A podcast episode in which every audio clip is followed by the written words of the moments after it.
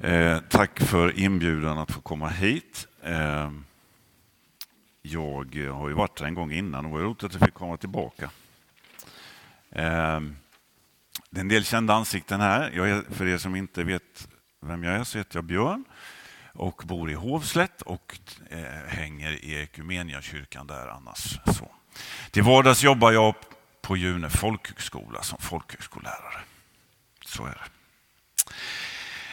Eh, för 25 år sedan snart, tiden går, så eh, eh, var det en man som bad, vi skulle ha ett samtal och han började samtalet med att be en bön. Den bönen har jag haft som någon form av ja, programförklaring sedan dess. Och jag inser när jag förbereder predikningar att jag predikar i princip om samma sak hela tiden. Eh, det är fördelen när man inte är som typ Kenneth eller de andra som behöver stå här varje söndag. För att då kan de inte göra det, för då hade ni tröttnat.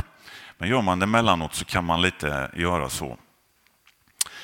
Eh, jag, när Mikael frågade eh, om det här så sa jag att jag vill prata om att leva i försoning och förlåtelsen, Att leva i förlåtelse och försoning. Det är ju jättestora begrepp och jag tänker inte reda ut dem. Eh, det kan ni vara lugna med. Lugna med. Men jag vill ändå prata om några aspekter. Eh, den här bönen jag pratade om, den, delar av den är så här.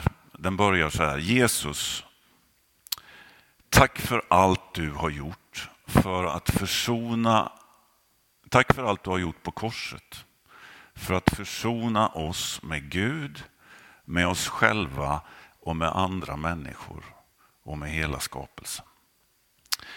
Och jag skulle vilja tala om tre saker. Jag tänker inte tala om den fjärde för då kommer ni vilja gå hem och det kanske ni gör ändå. Men det, det tar, jag hinner inte det. Jag skulle vilja tala om de tre första sakerna. Att försonas med Gud, att försonas med sig själv och att försonas med andra människor. Och jag tänker att vi mer än någonsin behöver en värld där det finns människor som just har försonats med Gud, med sig själva och med andra. Vår värld är väldigt oförsonlig, kanske mer än någonsin i det vi lever i. Och att både för oss själva och också som en kallelse att vara försonade människor. Nu är det något med micken här som gör att det här ska ställas till. Känns väldigt proffsigt när du kommer så där. Man känner sig väldigt proffsig. Så att säga. Ja. Eh, om man ska säga någonting om de här två stora orden försoning och förlåtelse så eh, hör de ihop och eh, eh de eh, är så. Finns det, när man pratar om, jag ska säga något om det så ska man säga att förlåtelse eh, handlar ju om att man på något sätt bär en skuld som man, om man får förlåtelse, som någon efterskänker så att säga. I den här mäktiga texten från Kolosserbrevet som lästes så står det ju det att vi har friköpts och fått förlåtelse för våra synder. I det Jesus gör på korset. Ehm, förlåtelse kan gärna, få någon slags juridisk sån sida va? av att jag, jag bär eh, en skuld jag har, eh, liksom, som, som efterskänks mig. eller så. Försoning är ett ord som jag tycker är väldigt vackert överlag. Eh, som kanske också innefattar det första jag sa nu men som också innefattar att någonting som har varit åtskilt, något som varit skilt åt, återförenas, möts igen. Att försonas. Alltså, eh, jag tittar på Eskil till exempel, du kan ju det här och andra här inne. Alltså det är så roligt för man har, teologer har ju haft genom åren någonting som kallas för försoningsstriden. Det är helt underbart hur man kan strida om något så vackert som försoning, men det har man gjort. Eh, och, så. och Det handlar mycket om det där, är det Gud som behöver försonas eller vi som behöver försonas och så. Och jag tänker inte reda ut den, faktiskt. Eh, så. Det finns ju sanningar i båda de här grejerna. Så. Det man kan säga, det jag kan tycka ibland, det har med olika saker att göra med, men den här juridiska biten kan ibland spegla en gudsbild som handlar om att Gud är väldigt upptagen av att hålla ordning på allt som jag gör fel. Sådär va? Den där Bergman i Hovslätt, ja, det är en lång lista. Liksom. Ja, det kan det ju vara. Men själva gudsbilden bakom den eh, eh, synen eh, kan jag tycka blir problematisk med utifrån vad jag ser i Bibeln. Alltså att Gud skulle vara huv, alltså hans huvudsyssla är liksom att sådär, ah, ah, ah, ah, ah, ah där gick det snett, där gick det snett, där gick det snett. Så, ah, det är inte den bilden som vi får i Nya Testamentet. Ehm, berättelsen om den förlorade sonen som ni har hört många gånger. Alltså sonen som har en lång lista. va? Han har samlat på sig en lång lista liksom. och har laddat när han ska vända hemåt. Va? Ja. Och han hinner inte. va? För fadern står där och bara omfamnar honom. Va? Han är inte intresserad av listan. Liksom. Alltså Gud vill försoning med oss. Så. Eh, och att det här med att försonas med Gud då, vad, vad, vad, vad handlar det om? Vi, vi kan ju ibland... Eh, vi, vi, vi, spe, vi, alltså, vi framställer kristen tro som att det liksom, målet är att vi ska komma till tro, bli frälsta. Eh, liksom sådär. Eh, och sen är det liksom klart. När egentligen tror jag det är då det börjar. Va? Eh, att försonas med Gud tror jag är en, en, liksom en livsvandring. En process. Ytterst sett så är det ju, det är klart att det är skillnad i relationen till Gud och till, till människor emellan. Så här, va? För att det, det liksom går inte riktigt att jämföra någon vi inte ser med människor vi kan tala med på så här. Så. Men på många sätt är det faktiskt likadant. En relation ändras. Eh, det händer saker. Eh, vi blir osams. Vi får konflikter. Vi behöver reda ut saker. På det sättet tror jag att relationen med Gud är likadan. Och är tänkt att vara likadan. Jag har en djupare relation med min fru idag än när vi gifte oss för 30 år sedan. Ja, har jag det med Gud efter 30 år? Det är mycket en, en, en process som är tanken att den relationen ska fördjupas över tid och vi kommer liksom aldrig fram förrän den dagen vi ser ansikte mot ansikte. Vad är det som påverkar det här med att, att, att försonas med Gud i livet? Ja, en sak är det som eh, vi inte pratar så mycket om idag, som är svårt att prata om tycker jag också. Det är ju liksom det som är, kallas för synd i Bibeln. Vad är egentligen kärnan i det? Jo, det är kärnan i att vi tänker att det här, hela den här tillvaron handlar om oss själva. Jag, jag, jag och mitt, mitt, mitt. Liksom. Den här kompassen som någonstans har hamnat ur, ur, ur, liksom led en gång som gör att vi ständigt på något sätt blir självupptagna och självfixerade och ändå någonstans bara tänker att eh, det är mig det handlar om. Jag är centrum för allt. Så tänker ju inte vi, vi säger ju inte så. Men någonstans så har vi en, det är fel på kompassen. Liksom. Det är klart att det påverkar oss i livet, i den här processen med att försonas med Gud. Men sen är det också livet. liksom. Jag eh, eh gör mig rätt mycket och läser rätt mycket psykologi och undervisar i det. Och Det finns ju skolor där som handlar om positivt tänkande. Va? Det blir som du tänker. Alltså, tänk positivt så blir det bra. Va? Jag har väldigt svårt för den typen av psykologi. Till en viss del så är det sant såklart. Att vi kan påverka våra mentala tillstånd genom att försöka se positiva saker i livet. Men väldigt mycket av det som händer oss i livet, det händer oss. Eller hur? Jag tänker att eh, vad gör vi av allt det där som inte blev som det skulle? Vi hade eh, bilder av hur det skulle bli i livet. Relationer, äktenskapet, barnen, jobbet, huset, framtiden, kanske till och med mitt kristna liv, församlingen. Och så blev det inte som vi tänkte. Vad menar du med det här Gud? Vem är du egentligen? Hur är du? Det kan ju också gälla det som också heller inte blev. Va? Jag träffade aldrig min livskamrat. Barnen som aldrig kom. Vi drabbas av livet. Och i det så behöver vi också försonas med Gud. Jag tror också att vi är väldigt, alltså jag är uppvuxen i det som hette SMU. I Andreasförsamlingen som numera håller till på Fjällstugan som ni känner till. Och det var ju en väldigt balanserad eh, miljö. Va? Här tog vi ju inte i liksom, ytterkanterna på något sätt. Liksom. Det var ju lagom. Mellanmjölk hela vägen, liksom. tryggt och bra.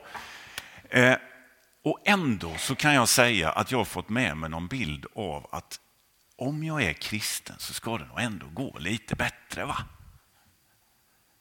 Det ska nog ändå vara lite smidigare för jag har ju Gud med mig på min sida. Va? Och då har jag inte varit i Livets Ord. Liksom. Jag har varit i SMU. Bilder av vad det är att följa Jesus och att vara kristen som ställer till det. Liksom. Vad, alltså man kan ju ställa den här frågan, va? vad tjänar jag på att vara kristen? Och ibland är vi i det häradet när vi ska försöka sälja det här. Va? Nu får ni inte säga någonting till Hovslättsborna om detta, men i Hovslätt på en av kyrkorna så står det en stor banderoll att Gud älskar Hovslätt. Det är väl fint? Det är det ju. Gud älskar Hovslätt. Han älskar Norra Hammar också, fast ni vet. Men det finns något i det där som skaver i mig lite. Och vad är det? Jo, det är för att det är så här att Coca-Cola älskar också Hovslätt. Det gör Nordea med och SEB och Trygg-Hansa och Volvo och Volkswagen och Kia och ICA. Alla älskar Hovslätt om jag kan tjäna på det. Alltså jag tror att vi mer än vad vi tror är påverkade av marknaden och av detta.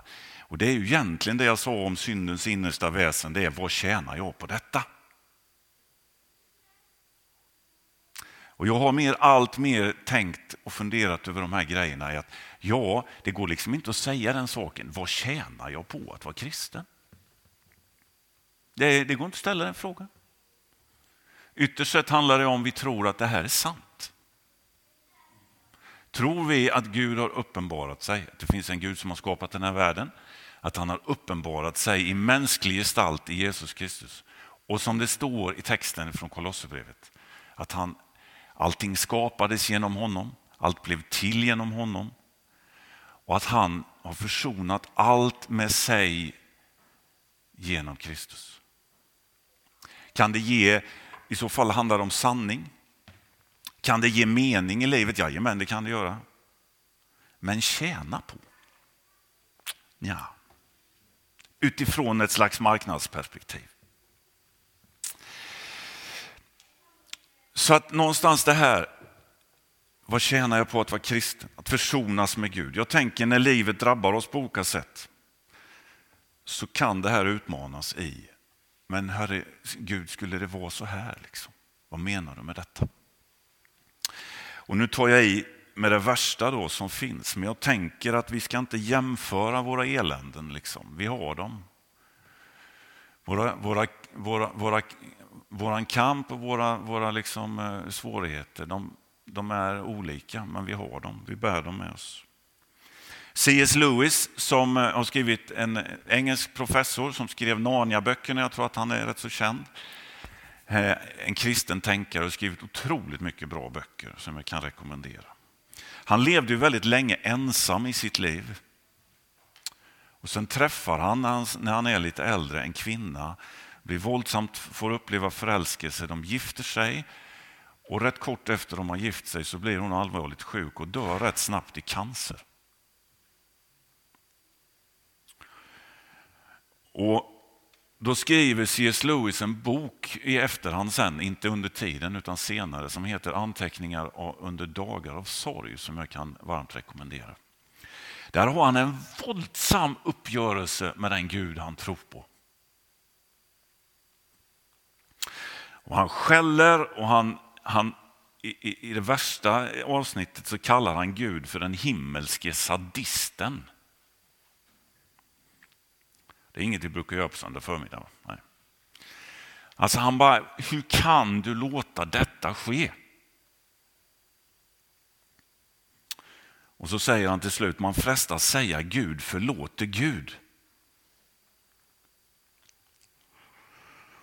Och så skriver Louis så här. Om man får tro texterna så förlät Gud honom inte, han korsfäst honom. Att försonas med Gud i livet är att se att också mina helveten försonas på korset. Han har försonat allt med sig genom honom och till honom, allt i himlen och allt på jorden. Jesus har burit även mina och dina helveten och vi är inte ensamma. Att försonas med Gud. Att försonas med sig själv. Ehm, för en del av er är inte det här en stor sak, har aldrig varit. Ni ehm, har alltid upplevt er hyfsat trygga i er själva, hyfsat nöjda med dem ni är och det ni kan och sådär. För många människor så är det här inte givet. Att försonas med sig själv kan vara en väldigt lång resa. En resa är att komma fram till att jag är okej. Okay. Jag är inte världsbäst. Jag är okej okay och jag duger. Det är någonting som väldigt många kämpar med. Man lever i en ständig jakt på att få liksom bekräftelse på att jag är tillräckligt bra. Vi pratar, jag har ju nämnt synden och skulden. Liksom. Vi pratar om synd och skuld eh, i kyrkan. Det är sant, det finns. Vi kan bära både synd och skuld. Det handlar om vad vi gör som människor. Det vi gör. Alltså jag gör någonting. När, när jag och min fru typ har sagt till våra eh, killar hemma under uppväxten, sagt så här, du så där gör vi inte, det där var inget bra. Eh, så. så har vi ibland behövt säga så där, då har de känt sig liksom så här, åh, jag är dålig. Jag är så, uh. så har vi sagt så här, du, jag pratar inte om hela dig nu. Jag pratar om att du har sagt att du ska dammsuga i, i, i fem dagar och du har inte gjort det. Och nu börjar pappa bli lite eh, lack. Och så blev de jätteknäckta och så bara så här, så, oh, så dåligt. Du, jag pratar inte om hela dig, jag pratar om att du inte har dammsugit. Synd och skuld handlar om det vi gör, som vi kanske kan gottgöra eller vi kan få förlåtelse för. Det här som, den här känslan av att jag är ständigt på minus, att jag inte duger, det handlar om någonting som heter skam. Skam handlar om det jag är som människa, inte om det jag gör. Att känna skam över sig själv, det är väldigt, väldigt destruktivt. Och det är det många människor som kämpar med. Jag skulle säga att det finns en mörk ond skam som är källan till extremt mycket psykisk ohälsa, destruktiva beteenden och missbruk. Man har i grunden en känsla av att jag är liksom inte värd. Jag är ständigt på minus i jämförelse med andra. Jag tänker att många av oss kan eh, känna igen oss i det här. Jag tänker också idag på eh, de som är unga. Jag känner så här, jag är rätt, jag, ibland kan jag skoja om det och säga att jag tackar Gud varje dag för att jag inte är tonåring längre. Ehm, det var ju länge sedan. Men det tycker, alltså jag kan känna ibland med de unga idag som ska spegla sig i dessa tusentals jämförelsebilder över hur man ska se ut, hur man ska vara. Och jag tror aldrig vi någonsin har haft så många unga som mår dåligt över hur man ser ut, som inte är nöjd med sin kropp, som någonstans får problem med mat, får problem med självkänsla, får problem med allt möjligt för att man känner att jag är ständigt sämre än alla andra. Så. Denna jämförelse som vi håller på med. Och när jag nu säger, pratar om detta så vill jag också säga att, att eh, det som är problemet här, det är att vi i kyrkan väldigt lätt har förväxlat skuld och skam. Alltså det är så, är du, lever du med mycket skam i ditt liv över att du känner jag är liksom lite sämre än alla andra, jag duger inte riktigt. Så är det så att den, den känslan är väldigt lätt att, att, att, eh, att förväxla med att känna inför Gud, jag är en väldigt syndig och usel människa. Alltså det, det, är väldigt lätt att tänka, åh vad jag är dålig, det här känner jag igen mig i. Om det är skam som du känner över att du är mindre värd, över att du är lite dålig i allmänhet, det kan du hålla på att bekänna inför Jesus ett helt liv. Det kommer aldrig bita. Varför det? Jo, för att Gud förlåter liksom inte eh, eh, skam. Att vi känner oss usla i allmänhet. Gud förlåter synd. Det är saker vi gör.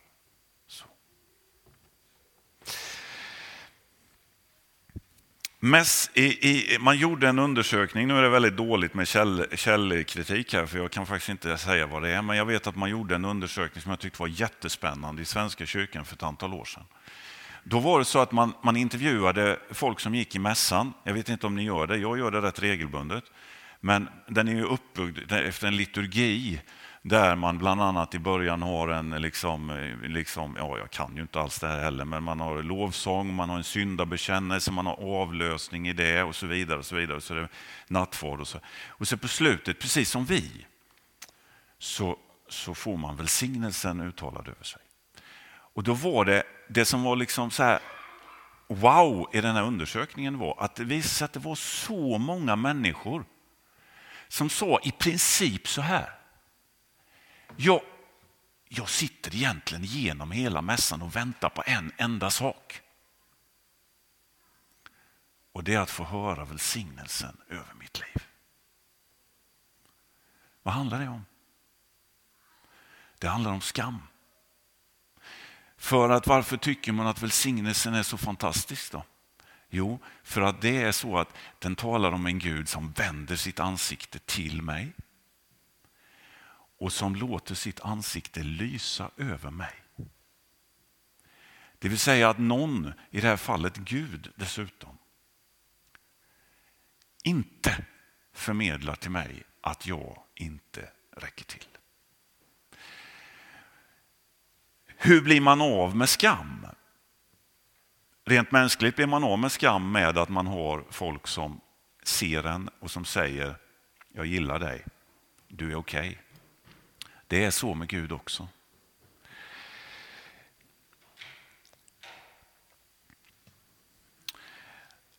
Att, att erfara som människa när jag upplever mycket skam. Att Jesu ansikte är vänt emot mig. Att han inte väjer undan för allt det där som jag vill gömma. Att det finns ett par varma ögon som ser mig. Det läker skammen. Och i det så kan jag försonas med mig själv. I att bli en hel människa.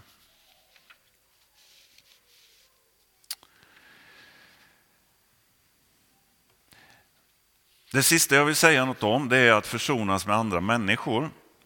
Ehm, vi läste i början på gudstjänsten Herrens bön där, där eh, vi ber eh, Gud förlåt oss och hjälp oss att förlåta andra. Idag finns det också faktiskt, eh, jag är tillbaka i psykologins värld, ehm, det finns många psykologer idag som säger att det finns väldigt många människor som mår jättedåligt, man, man söker hjälp. Och de säger så här, och de är, det är inte kristna psykologer, de är inte troende, eh, säger så här, grunden är att människor har gjort dem illa och de sitter fast i en bitterhet och hat mot människor som har gjort dem illa och man kommer inte vidare. Och lösningen är för dem att komma vidare det är att börja förlåta dem som har gjort dem illa. Och det är inte något religiöst inblandat i det, utan de säger att psykologiskt handlar det om att de behöver förlåta de här människorna som gjort dem illa för att de ska komma vidare. Sen är det lite tuffa pix här alltså när Jesus säger, alltså han ställer faktiskt krav på oss att vi ska förlåta andra. Och ni eh, känner igen de här texterna där lärjungarna frågar liksom Jesus, hur många gånger ska man förlåta de här eländiga bröderna som ständigt eh, håller på liksom och gör fel?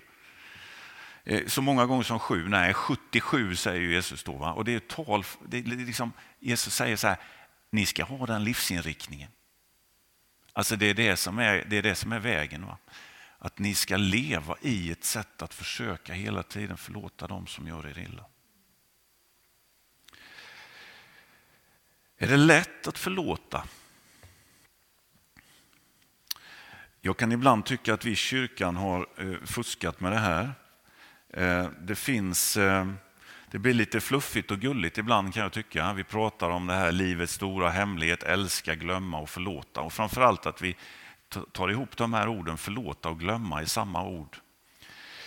Eh, för att någonstans är det så här, har vi, förlå, har vi liksom förlåtit det så, så är det borta, finns inte mer, vi ska glömma det. Så, och är det så att någon liksom inte har glömt då, då har man liksom inte riktigt förlåtit. Så, det är mycket sån här mambo jambo faktiskt, om man ska vara ärlig i det. Alltså riktig förlåtelse handlar om att i sanning se vad som har hänt. Att känna det som har hänt och att ändå välja att förlåta.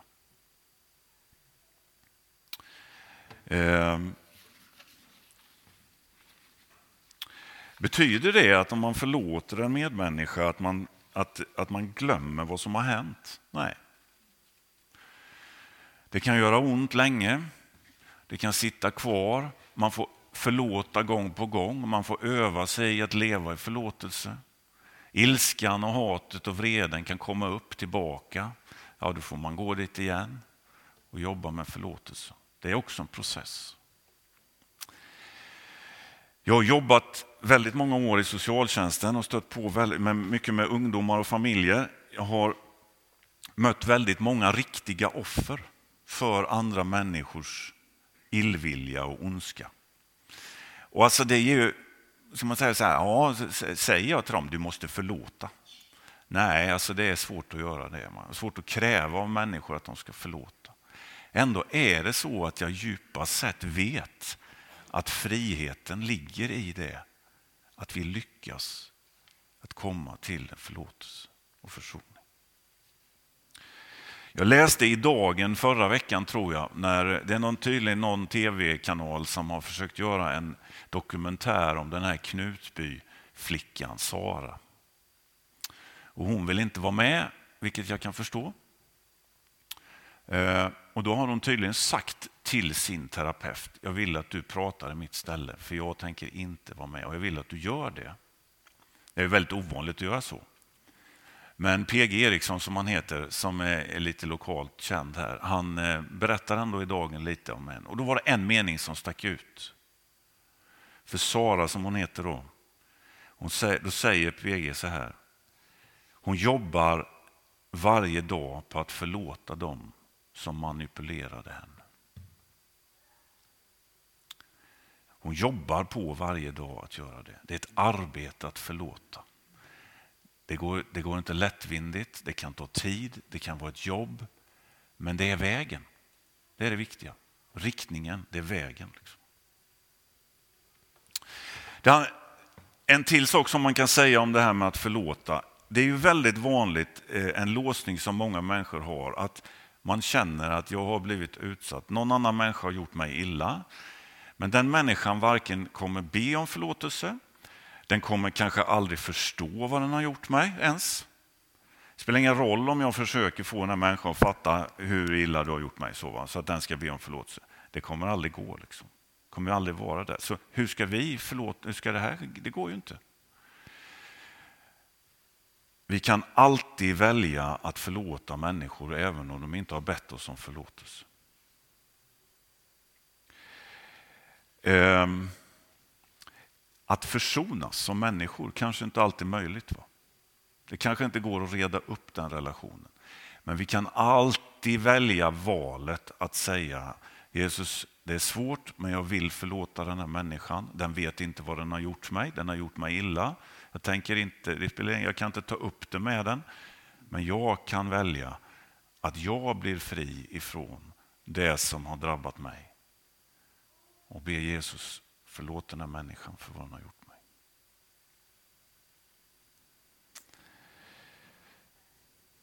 Och då är det så här att så att leva i förlåtelse är liksom ett mål, det är en riktning. Är det svårt? Ja, det är svårt. Det kan vara jättetufft. Men någonstans så är det så fantastiskt tycker jag. För att om man med ens en liten, liten gnutta vilja går till Jesus och säger Jesus, jag har så fruktansvärt svårt för det här. Jag skulle vilja försöka förlåta. Jag tycker det är jättesvårt.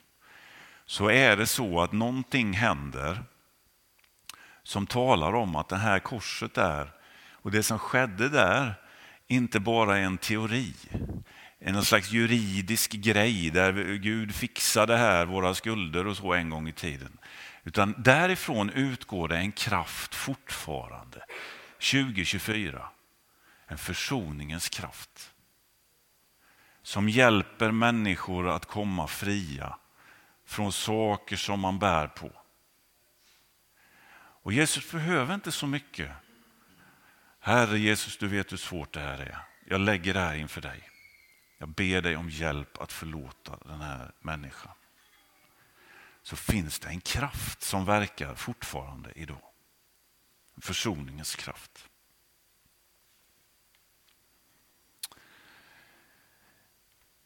Det finns en väg till att leva som försonad och förlåten människa.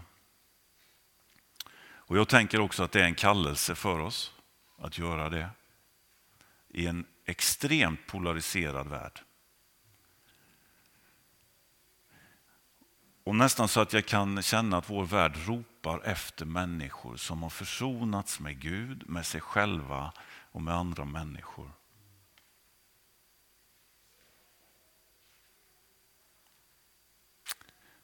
Vi ber tillsammans. Tack Herre Jesus för allt som du har gjort på korset, för att försona oss med Gud, med oss själva, med andra människor och med hela skapelsen. Herre, du känner oss. Du känner den här som kanske är inne i en kamp med dig. Herre, jag ber och tackar för att du tål att tampas med. Du som är livets Gud. Jag ber om välsignelse över den processen i så fall. Så ber jag dig Herre för den som sitter här som eventuellt kämpar med skam. Över att inte vara tillräckligt bra. Herre, jag ber att ditt ansikte skulle få lysa lite extra. Du som inte vänder bort ditt ansikte från våra liv.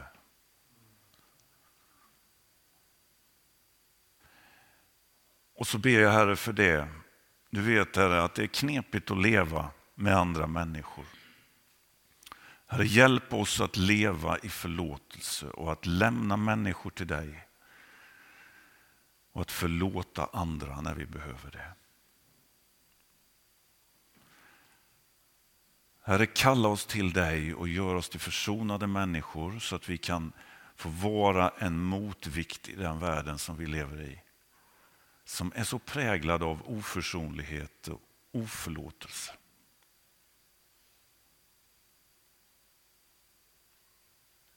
I Jesu namn. Amen.